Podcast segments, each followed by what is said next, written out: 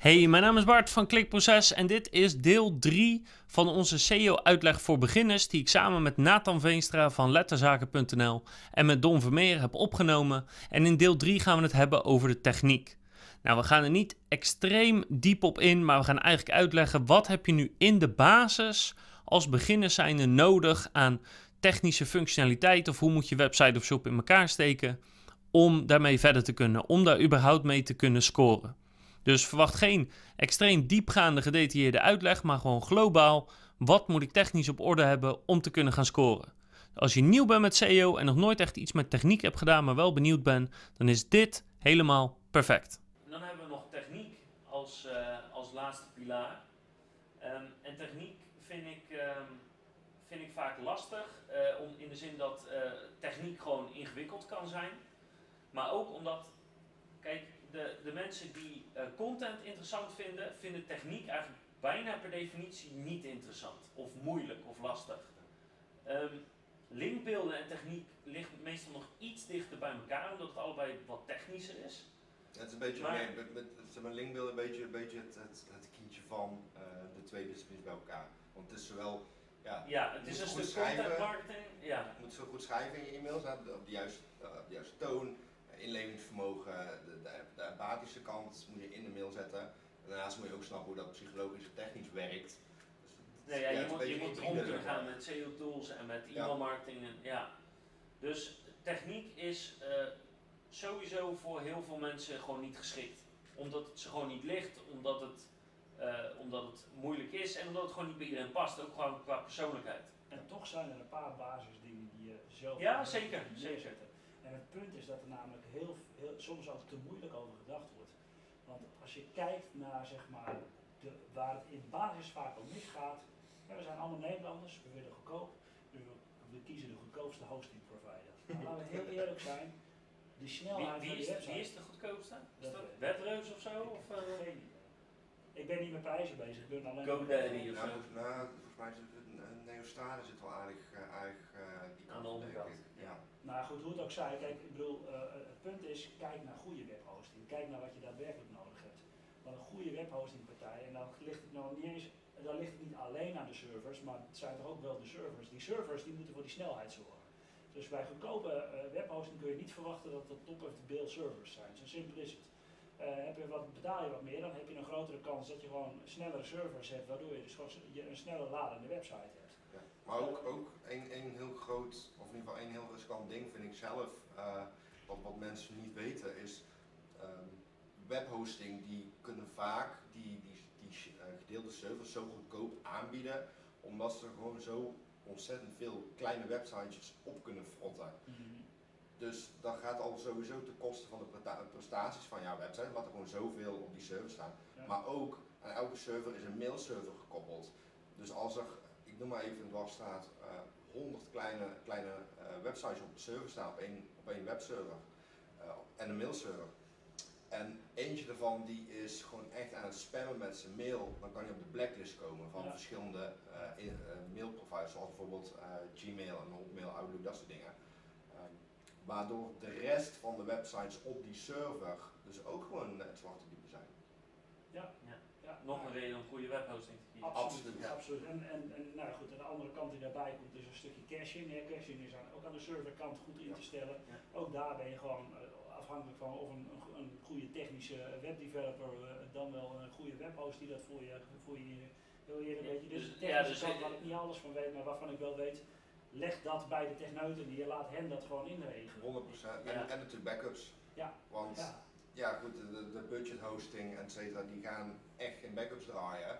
En ik kan je garanderen dat, dat iedereen, 100% van de mensen die op een gegeven moment met een website aan de gang is gegaan, met een eigen bedrijf, met een eigen website, wel eens een keer heel de, soep in de, heel de, heel de boel in de soep laten lopen. Ja. Gegarandeerd, WordPress ligt eruit, database connection 5 ja, plugin geïnstalleerd, uh, waardoor alles... Het uh, crasht inderdaad, ja. website uit de lucht, ja. En dan heb je daar gewoon, ja, je, je, je ziel uh, ja. in, in, gelegen om die website te bouwen als uh, ja, niet webprofessional zeg maar. Dus misschien ben je er wel avondenlang mee bezig geweest en, en update iets. Want hè, WordPress bijvoorbeeld, mensen doen heel vaak de plugins of het thema klakkeloos updaten. Terwijl dat best wel een groot risico is, omdat die, die update gewoon kan zorgen dat gewoon heel de boel eruit ligt.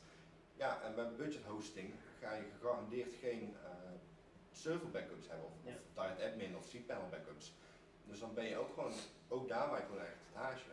Ja, en ehm, als, je, als je het over een website of een shop hebt, al, eh, ook goede hosting, eh, dus niet de allerbeste, maar gewoon normaal goede hosting, zeg maar, kost niet de hele wereld. Nee, klopt. Nee. Eh, voor, voor, ik weet niet uit mijn hoofd, maar volgens mij voor een tientje of twee tientjes in de maand heb je al... eh, zit aardig. ja, Ja. precies. Ja, kijk, het ligt er een beetje aan. Eh, Ik heb nu hosting voor drie tientjes per maand, geloof ik. Maar weet je, ik, ik heb, ik, mij maakt het ook niet uit. Ik, als ik weet dat ik erop kan vertrouwen, is, is de, dat tientje extra Ja. per maand bij wijze van spreken voor mij echt het punt niet. Ehm, maar eh, ja, eens, weet je. Eh, maar goed, ik bedoel, ik zag inderdaad, ik kwam laatst tegen, ik geloof 45 cent per maand of zo. Dat- Zoiets, weet je wel. Ja, Ja, sorry, maar moet je, het is toch inderdaad waar je voor betaalt, dat krijg je. Dat, daar moet je ook een beetje rekening mee houden. Natuurlijk is dat niet helemaal één op één letterlijk het geval. Mhm. Maar ja, die overweging. Het zit zo aan de onderkant, het Ja, kan niet. precies, precies. En wat zijn nog meer een beetje basis technische zaken die je, eh, eh, die je als CEO eh, zeg maar, moet, mag Ja? mag ik? Ja, nee, weet je, een van de dingen die ik het meeste tegenkom zijn afbeeldingen. Afbeeldingen worden op, op verschillende manieren verkeerd gebruikt. Het begint met eh, eh, afbeeldingen die, die niet geschaald zijn. Eh, geschaald heeft te maken met, hij wordt weergegeven op eh, 900 bij 300, maar jij, jij uploadt hem als eh, 2400 bij, bij 600, ik noem maar wat. Dat, dan haalt je browser haalt die volledige grote afbeelding op, dat kost al tijd. Dan moet hij hem nog eens een keertje gaan terugzetten naar de, de juiste afmetingen, dat kost ook tijd. Dat zorgt voor vertraging. Komt nog bij dat vaak ook een afbeelding te groot wordt gemaakt. Weet je, dan krijg je een 1 MB afbeelding. Terwijl op web heb je echt gewoon die grootte niet nodig. Dat, dat formaat het mag best verder gecomprimeerd worden. Omdat eh, op web hoef je hem echt niet eh, zo groot uit te vergroten. Dus die twee punten, daarop gaat het al vaak heel erg mis met afbeeldingen die, Ja. die, die daardoor voor enorme vertraging eh, zorgen. Ja. Als ik kijk naar de punten die ik het meest tegenkom als het gaat om vertragende factoren op een website, is dus de, de hostingkant en dan met name dus de, de, de caching ook waar het fout gaat.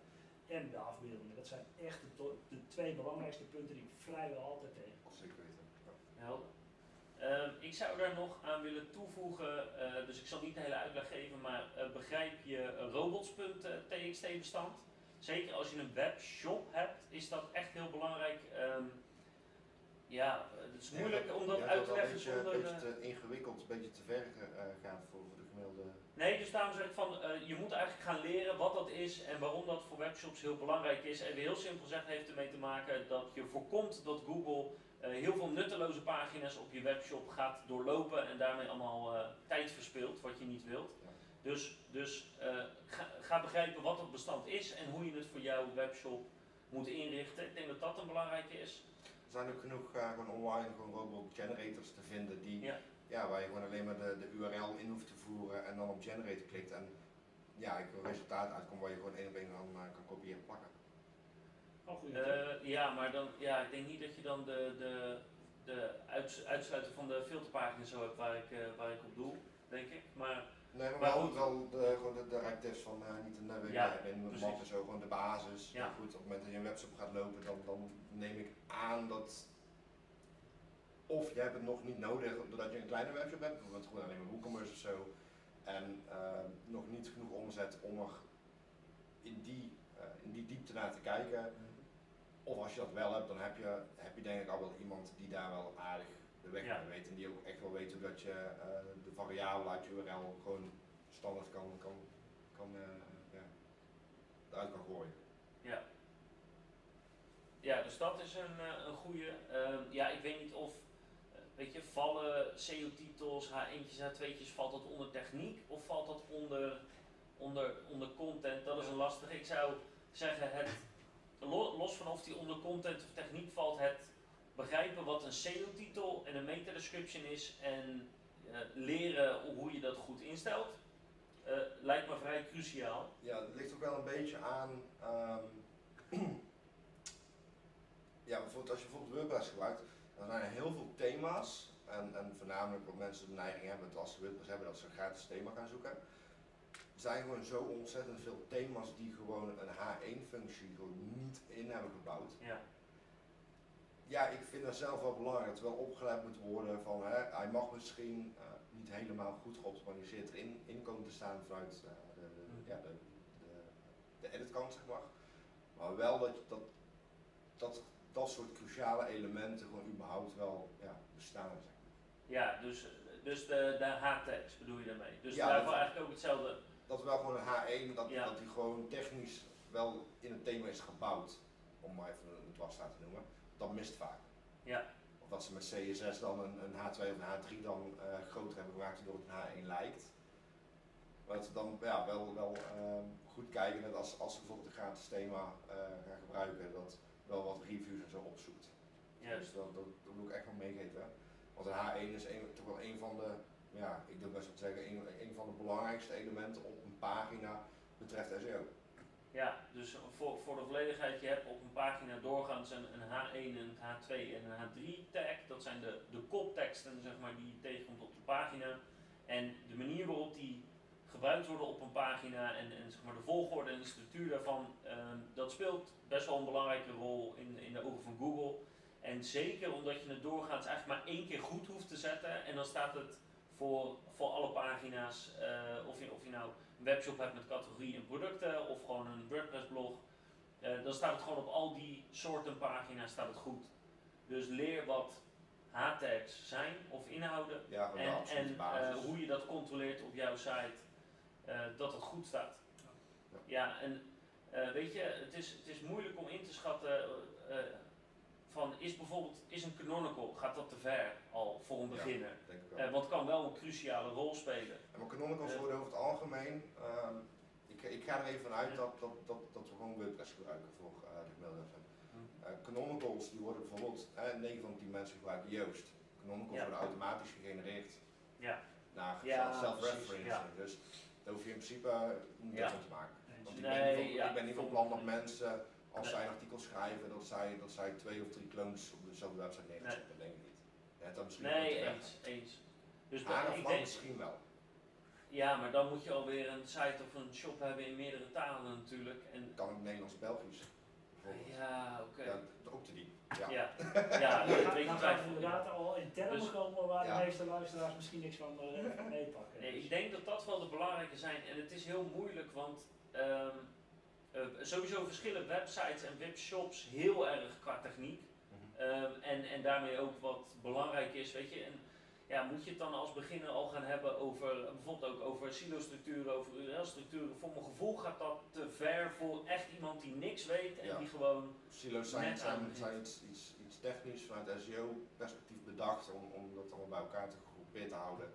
Men- mensen die webshops starten, die doen dat Nee, gewoon gebaseerd op Ja. logica Ja, en dan, exact. dan komen ze er al heel eind. Ja, nee. Dus ik denk, ik denk dat dat de, de belangrijke dingen zijn. Dat als je die, die elementen van die drie eh, eh, al weet, dus als je de basis van die drie, dan denk ik dat je al een heel eind komt. En ik denk ook wel dat je eh, een behoorlijk bedrijf kan ontwikkelen door die drie elementen in de basis goed te kennen. Ja. Als je redelijk goede content kan maken, redelijk goede linken kan verzamelen en je techniek redelijk goed op orde is, Ik, ik, dan denk, moet je, kom je echt al een heel eind. ik denk dat het moment dat je, maakt eigenlijk geen, geen, geen, geen uit waar je, waar, je, gaat doen, blijf logisch nadenken. Want dat is iets dat, dat vind- vinden mensen blijkbaar echt ontzettend lastig. Om gewoon logisch over iets na te denken.